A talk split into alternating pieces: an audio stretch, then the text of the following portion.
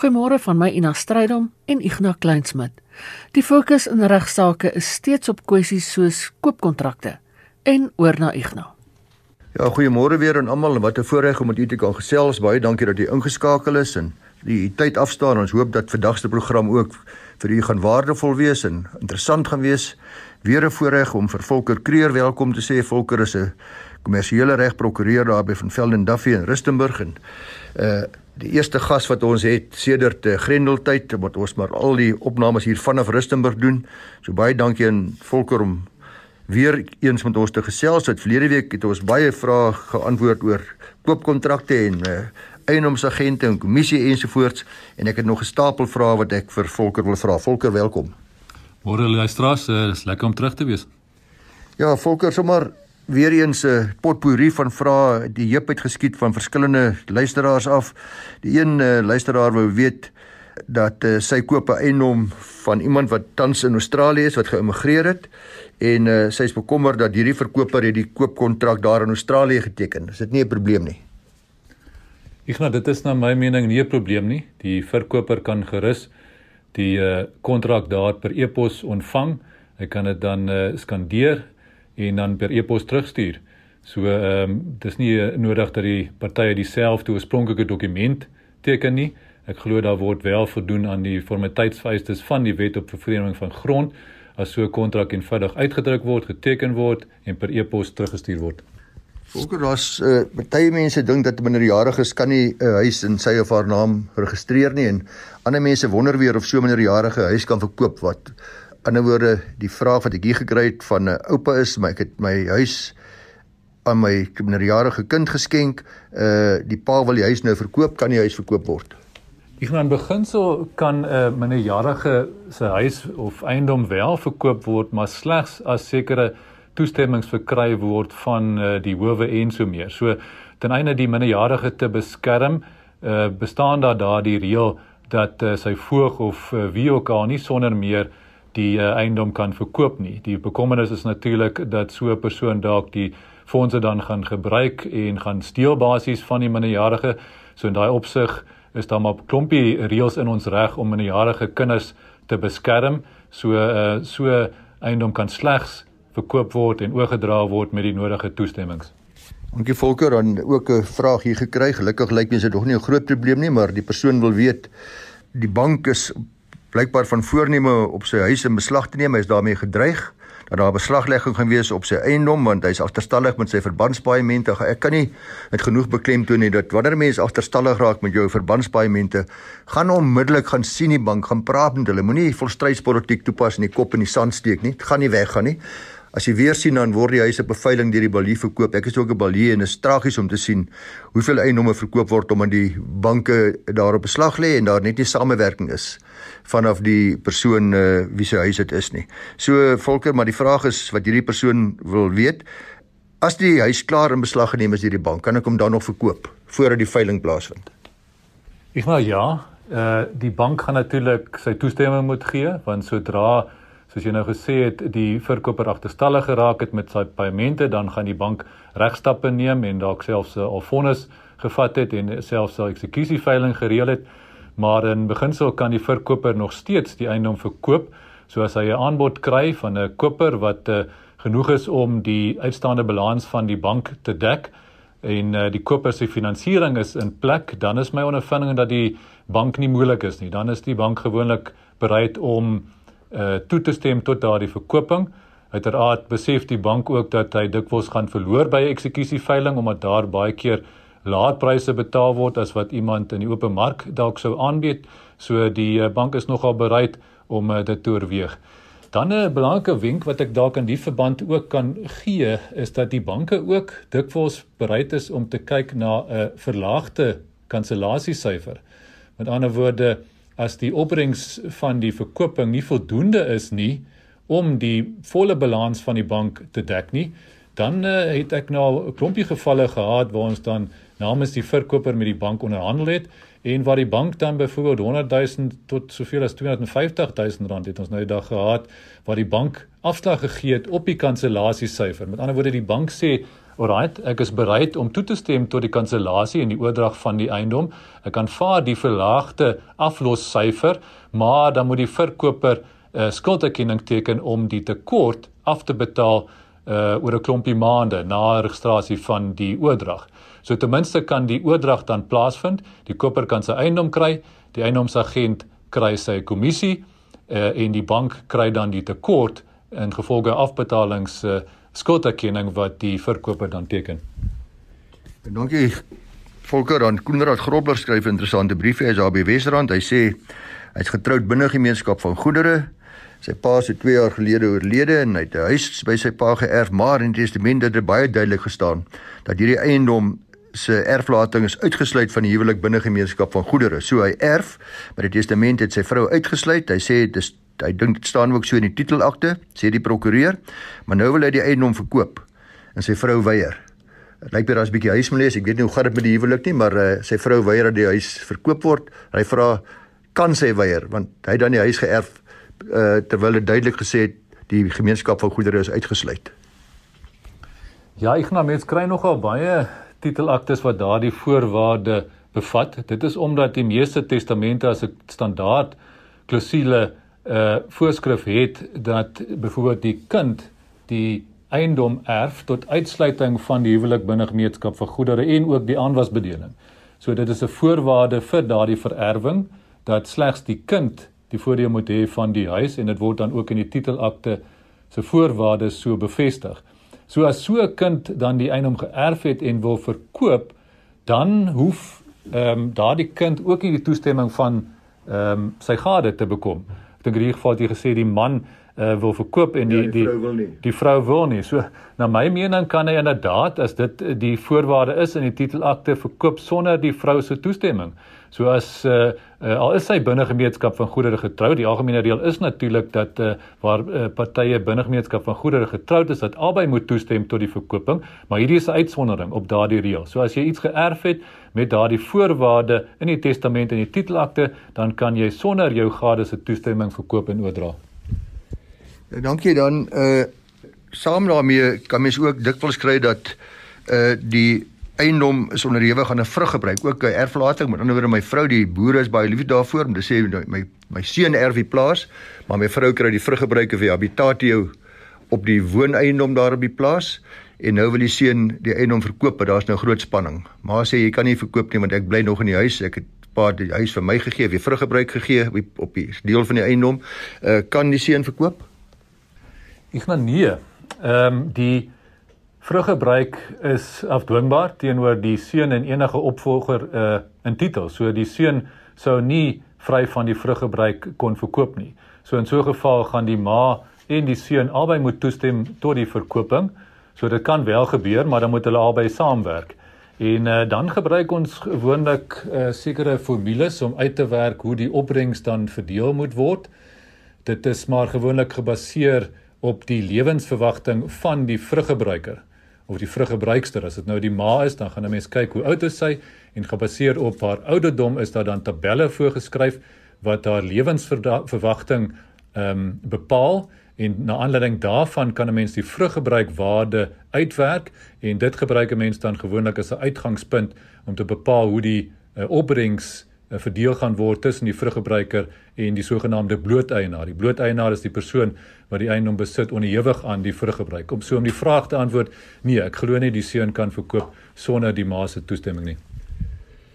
Nog 'n geval van bietjie huismoles. Ek gaan nie die skrywers eh, die skrywer sê hy wil anoniem bly. Hy sê hy het eiendom gekoop, hard gewerk daarvoor vir 10 jaar en uiteindelik die eiendom in sy naam gekoop en toe gaan staan in troue binne gemeenskap van goedere. Hy sê hulle wil nou die eiendom verkoop of hy bedoel nou die eiendom verkoop. Uh sy gade weet daarvan, maar moet sy 'n koopkontrak teken want hy wil eintlik nie hê sy moet iets mee te doen hê nie. Ja, in so 'n geval gaan hy wel die gade se samewerking uh, nodig hê. As 'n mens binne gemeenskap van goedere getroud is, soos ons uh, vroeër al genoem het, dan moet albei gade saamwerk. Soal het hy daai eiendom bekom voordat hy uh, getroud is en al is die titelakte net in sy naam, albei gaan moet uh, toestem uh, tot die verkooping en die oordrag van die eiendom en sal inderdaad ook die uh, transportdokumente uh, moet teken. So ehm um, ek dink ons het al in verskeie vorige programme daardie advies gegee as jy wil trou en jy wil seker maak dat die eiendom wat jy verkry het voor die huwelik afsonderlik gehou word en dat die gade nie daarin gaan deel nie, dan moet jy liewer 'n prokureur gaan sien sodat jy huwelikskontrak kan teken sodat jy buitegemeenskap van goedere kan trou. Ja, gereeld in die koerante sien ons volker dat eh uh, buitelanders uh word deur sommige persone geteken om te sê hulle mag nie vaste eiendom in Suid-Afrika koop nie. Hulle behoort nie vaste eiendom te kan koop in Suid-Afrika nie. Dis ons land. Maar kan buitelanders op die oomblik vaste eiendom in Suid-Afrika koop of verkoop? Ja, ek nou daar is op hierdie stadium geen verbod nie. So 'n buitelander, maak nie saak watter land dit mag wees, mag wel eiendom in Suid-Afrika koop. Volker, uh, oral in die land is daar kantore van die NHBRC, die National Home Builders Registration Council, kom ons seker rowweg vertaal die nasionale huisbouers registrasie raad. Uh wat is hulle presies? Wat is hulle funksie? Hoe help hulle ons? Ja, ek nou by eiendomstransaksies is hulle veral relevant as dit 'n ontwikkelaar is wat verkoop. In so 'n geval gaan jy 'n registrasiesertifikaat gewoonlik nodig hê van die NHBRC en dan ook 'n uh, sogenaamde enrollment certificate, 'n sertifikaat om bevestig dat die spesifieke eiendom ook by hulle geregistreer is. So dit gaan dan ook vereis word deur die bank, daai twee sertifikate voordat die bank die uh, lening finaal sal goedkeur en die transaksie dan geregistreer kan word en jy die lening by die bank kan deurvoer. So dis veral waar die uh, NHBRC uh, betrokke raak uh, by eiendomstransaksies. Iets wat uh, eh, groot hoofpyn gee en uh, ek het al so met baie kliënte in my lewe daaroor uh, nie beklei nie maar raad gegee en dit is die persoon wat skakel en sê as wil jy net asseblief net gou-gou vir my 'n uh, koopkontrak opstel? Net gou-gou sommer net so 'n halwe bladsytjie uh, doen dit net sommer vinnig sê met 'n testament ek het sommer gou ek en my vrou sit sommer gou en selfs sommer vinnig 'n testament op maar kom ons hou net eers by die koopkontrak so halwe bladsy of een bladsy dokumentjie kan dit geldig wees as daar probleme is dit gevaarlik nou in die geval van 'n koopkontrak wat sê ek is die verkoper, jy is die koper, die besonderhede is reg, ek beskryf die eiendom behoorlik en ek sê wat die koopprys is en hoe betaal moet word. Is dit geldig? Nou soos ons in 'n vorige program gesê het, eh, kan so 'n geldige kontrak daarstel. Die essensiële elemente van 'n uh, koopkontrak is uh, baie min, soos die koper verkoper, koopsaak en die koopprys uh, bepaal is, dan is dit 'n geldige kontrak. Interessant genoeg vereis ons reg nie dat daar 'n getuie moet teken saam met die partye nie. So ehm um, dit is maar praktyk. Mense sien baie keer dat koopkontrakte wel voorsiening maak vir getuies en dit kan dalk later help om te bewys dat iemand die kontrak geteken het as koper of verkoper as dit ooit in 'n uh, eh, dispuut sou wees, maar dit is nie 'n geldigheidsvereiste nie. So ehm um, die partye Die koper en verkoper hoef bloot 'n skriftelike dokument te teken en dan is dit in beginsel 'n geldige koopkontrak. Na aanleiding van verlede week se program is daar 'n navraag wat vra ons het nou gepraat van die sogenaamde loaded transaksie, die gelaaide transaksies, maar hierdie persoon sê ja, maar hoekom kan ek nie 'n verdere lening maak by die bank om net die oordrags of verbandskoste te betaal? Ek het nou klaar die ander lening gemaak, nou sê ek vir die bank ek wil nog by hulle R50000 leen want dis wat die here regte is ensovoorts. Daar's mos nie 'n probleem daarmee as die bank dit weet nie. Ja, ek dink uh, kopers en eiendomsagente moet uh, asseblief mooi luister. Ons kry nogal uh, van tyd tot tyd gevalle waar die bankie lening goedgekeur het, die transaksie gaan aan, alles lyk in orde en dan leen die koper uh, dikwels by iemand anders, nie by dieselfde bank nie, die geld om die kostes te finansier. En dan uh, gaan die bank dit gewoonlik optel en dan gaan die bank die verband terugtrek en dan gaan die transaksie nie kan realiseer nie.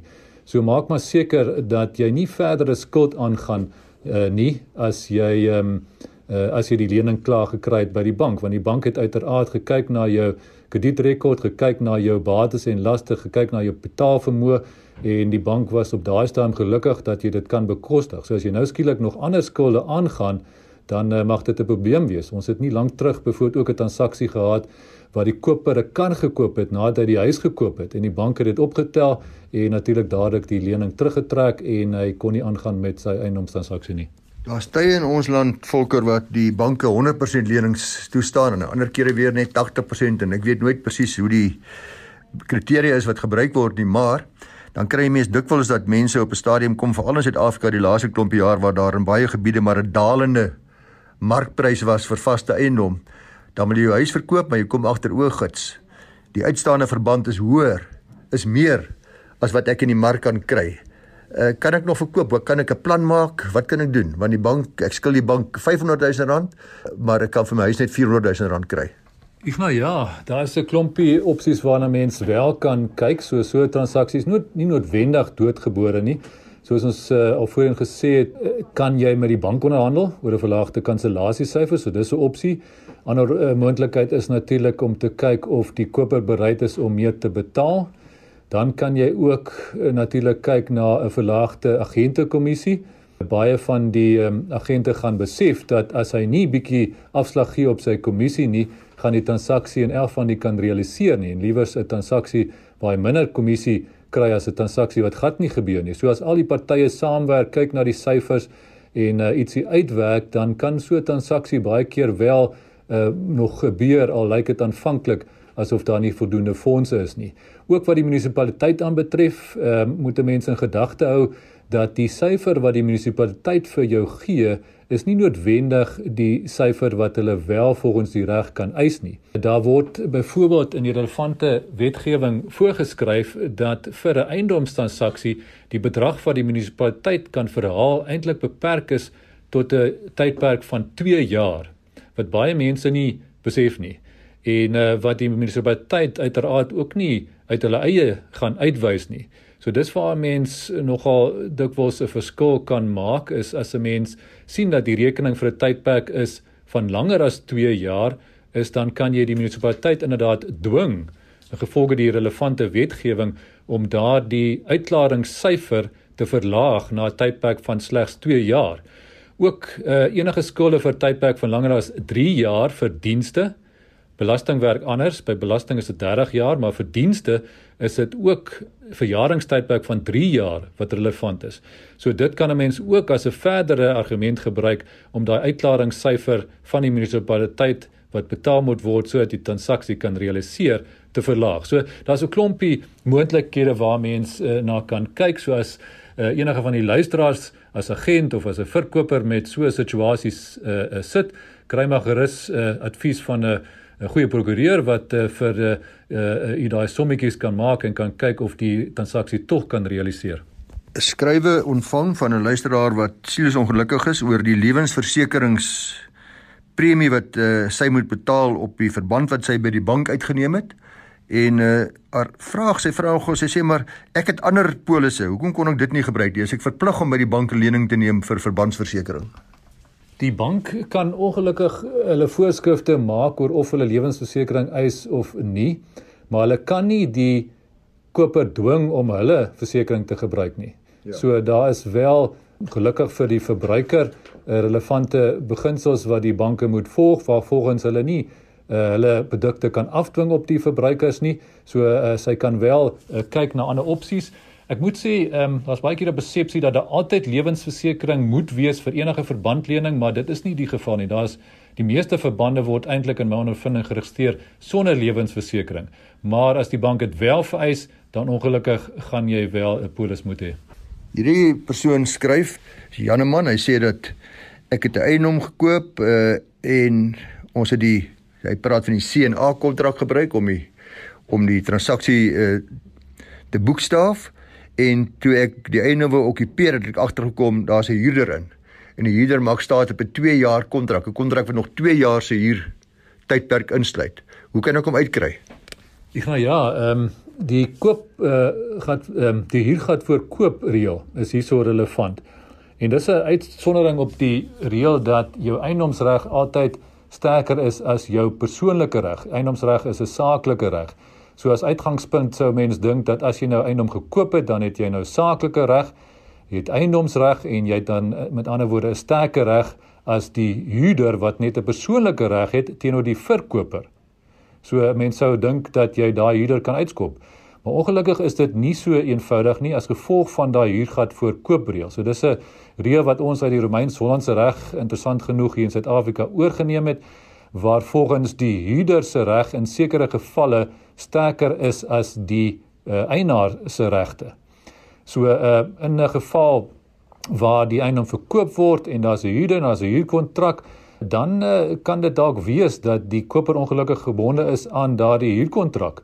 As die koopkontrak bepaal dat die huurder geregtig is om in te trek in die eiendom okupasie te neem op die registrasiedatum en hy kan nou nie omdat daar die huurder is dan gaan hy natuurlik 'n eis hê teen die verkoop op grond van koopkontrak omdat hy dan nou nie die voordeel uh, van die uh, eiendom kan geniet nie maar dit uh, beteken nie noodwendig dat hy die huurder kan uit uh, uh, uh, sit nie. So dit hang nou maar af van omstandighede. So ek dink die belangrikste advies in die verband is eintlik maar om seker te maak dat wanneer 'n mens 'n koopkontrak onderhandel en beding, dat 'n mens ook spesifiek praat oor wanneer gaan die koper kan intrek in die perseel en is daar 'n huurkontrak wat uh, relevant is en dan moet 'n mens natuurlik ook met die uh, huurder onderhandel en uh, dalk uh, ooreenkom op 'n kansellasie van die huurkontrak. So ek uh, dink uh, om 'n standaard CNA kontrak te gebruik is in baie gevalle gevaarlik spesifiek as uh, daardie aspekte nie mooi gereël word in die kontrak nie. Hierdie persoon het gekoop. Hy sê uh koopkontrak is geteken. Dit het amper 3 en 'n half maande geduur vir registrasie. Hy sê nou nie hoekom dit so lank gevat het nie, maar in daardie tydperk uh, hy het eers okupasie gekry op datum van registrasie en toe hy by die huis kom kom hy agter daar's 'n klompie skade aangerig aan die eiendom vanaf die datum wat hy die koopkontrak geteken het tot die datum wat hy die, inderdaad die registrasie gekry het. Ja, ek nou dis dalk nog 'n uh, voorbeeld wat demonstreer hoe belangrik dit is dat die koopkontrak behoorlik opgestel word en alle relevante sake behoorlik reël want die vraag of so koper eis gaan hê hang af van wat die koopkontrak sê. Soms sê die koopkontrak dat die verkoper verkoop die eiendom soos hy daar staan en daar's geen verpligtinge om hom te onderhou vanaf datum van eh, kontraksluiting totdat die koper uh, intrek. Maar uit 'n koper se oogpunt gaan 'n mens gewoonlik liewes wil hê dat die koopkontrak spesifiek sê dat die eiendom verkoop word op die basis dat die verkoper die eiendom sal onderhou en in dieselfde toestand aan die koper sal lewer wat dit was op datum van kontraksluiting. Met ander woorde, die verkoper moet sorg dat wanneer die koper registrasie uh, kry en oordrag neem van die eiendom, dat hy nog in dieselfde toestand is waarin hy was toe die kontrak geteken is. Volker daar's 'n geskil tussen twee trustees. Hulle is 'n trustees van 'n trust waar daar minderjarige begunstigdes is en daar's onder andere 'n huis wat in hierdie trust is wat die ouers wat oorlede is gegee het vir die kinders in die trust. En nou vra hulle kan hulle die huis verkoop of gaan hulle die minderjariges dalk nou te nakom of is daar 'n probleem as trust van minderjarige begunstigdes 'n huis verkoop? Ek nou ja, ons het voorheen genoem dat jy nie sonder meer eiendom van 'n minderjarige kind kan verkoop nie. Jy moet sekere toestemmings van die hof en so meer uh, bekom. Maar by jou tipiese diskresionêre trust werk dit 'n bietjie anders en dis eintlik ook hoekom mense maar in hulle testament dikwels voorsiening maak vir 'n trust vir die minderjarige kinders. In so 'n geval kan die trustees wel besluit om die eiendom te verkoop al is daar minderjarige begunstigdes. So die idee is dat die erflater as dit byvoorbeeld 'n testamentêre trust is, vertrou die trustees en uh, is gemaklik daarmee as die trustees kan besluit of daai eiendom verkoop moet word of nie en in so 'n geval kan jy dan sonder die hof se toestemming wel die eiendom verkoop al is daar minderjarige begunstigdes. As daar geskil is tussen die trustees soos jy nou genoem het, dan gaan 'n mens natuurlik moet kyk wat die trustakte bepaal. As die trustakte bepaal dat die meerderheidstrustees of dat die trustees deur 'n meerderheidsbesluit resolusies kan goedkeur, dan gaan die meerderheid trustees natuurlik die minderheid kan uitstem. So daar gaan dit nou maar afhang van wat die spesifieke trustakte bepaal. Volker, dis nou nie 'n vraag van iemand nie, maar sommer iets wat ek uh, dink belangrik is vir ons luisteraars om van kennis te neem, dat mense dikwels onnodige hereregte betaal wanneer hulle vaste eiendom koop, onroerende eiendom koop omdat hulle nie besef hulle kan uh, hulle het ook 'n klomp roerende goed baie keer sê hulle die meubels is ingesluit byvoorbeeld of verkoop ook jou duur klankstelsels of jou uh, sekere roerende goed wat in die tuin staan of wat ek nogal nie. En kan mens nie geld bespaar op 'n uh, op so 'n transaksie as jy duidelik meld dat daar sekere roerende goed en ook 'n bedrag daarin stipuleer nie ingesluit is by die transaksie nie. Ja, ek nou inderdaad, here regte is slegs op die onroerende eiendom se waarde uh, betaalbaar. So as jy saam met die huis byvoorbeeld 'n klomp roerende bates verkoop, dan sou ek maar altyd voorstel dat 'n mens duidelik stipuleer wat die waarde is van daai roerende bates as deel van die koopprys. Uiteraard moet 'n mens uit die ontvanger se oogpunt dit kan regverdig dat jy daai waarde heg aan die roerende bates, maar hoor daai bedrag dan is, hoe minder gaan dan eintlik die heerregte wees wat jy hoef te betaal. So hou dit gerus in gedagte as daar sprake is van 'n transaksie waar daar klomp roerende bates saam met die onroerende eiendom verkoop word. Mense wat besigheid wil doen, worstel dikwels met die vraag: moet ek die grond waarop ek die besigheid gaan vestig, my eie naam koop of liewer in my maatskappy se naam? Dit beskrywe van die dame wat sê sy en haar lewensmaat wil 'n stuk grond koop, hulle gaan 'n fabriek bou vir 'n nuwe besigheid wat hulle begin en sy sê moet die ma moet die maatskappy wat ons gaan gebruik, uh nie maar ook liewer die grond koop nie, want ons het ons eie name koop. Ek nou uit 'n risikobestuursoogpunt stel ek maar gewoonlik voor dat 'n mens die riskante bates wat 'n mens bekom skuif van jou nie riskante bates nie. Grond is gewoonlik 'n uh, nie riskante bate teenoor 'n besigheid wat maar 'n riskante bate is. So uh, vir ingeval dinge skeef sou loop uh, met die besigheid, sou ek maar altyd voorstel dat 'n mens dit in een entiteit ehm um, se naam hou, byvoorbeeld een maatskappy en die grond liewers in 'n ander entiteit se naam, soos byvoorbeeld in jou eie naam of 'n maatskappy of selfs 'n familietrust. So ehm um, dit is waar 'n mens nou maar kan uh, beplan vir dinge wat dalk sou skeefloop sodat as die skuldeisers dan toeslaan en uh byvoorbeeld die besigheid word gedagvaar, dan kan jy dalk ten minste die grond uh, red en uh die grond kan dan dalk nou nie deur die skuldeisers gevat word nie. Dan 'n scenario en ek het uh ook meer as een navraag daaroor gekry. Moet ek wanneer ek 'n maatskappy aandele in 'n maatskappy koop, in die uh maatskappy besit grond, moet ek liewer die aandele koop of moet ek liewer die grond van die maatskappy koop? Wat is die beste? Die verkoper gaan dikwels liewer die aandele wil verkoop omdat jou kapitaalwinsbelasting implikasies in jou tipiese scenario daar minder is. Maar die koper se oogpunt eh, gee ek maar altyd die advies dat 'n mens versigtig moet wees om die maatskappy oor te neem uit die koper se oogpunt is dit definitief veiliger om liewers die grond as 'n skoonbate te koop want as jy oordrag neem van 'n grond van van grond wat by die agterkantoor geregistreer word dan weet jy daar kan niks kleef aan daai grond in terme van skulde uh, en so meer. Jy koop 'n skoonbate soos ek reeds gesê het. Terwyl as jy die aandele in 'n maatskappy oorneem wat grond besit dan kan daar altyd geraamtes in die kas wees. As uh, daar probleme is met daai maatskappy se belastingopgawes byvoorbeeld BTW of wat ook al die geval mag wees, dan neem jy eintlik daai potensiële probleme oor. Jy het nou wel 'n eis teen die verkoper op grond van die koopkontrak, maar uh, intussen gaan jy moet pas staan vir enige eise van byvoorbeeld die ontvanger en so meer. So ja, weer eens uit 'n koper se oogpunt uh, adviseer ek gewoonlik om liewers die eiendom as sulks te koop en nie die nie die aandele in die maatskappy wat die grond besit nie.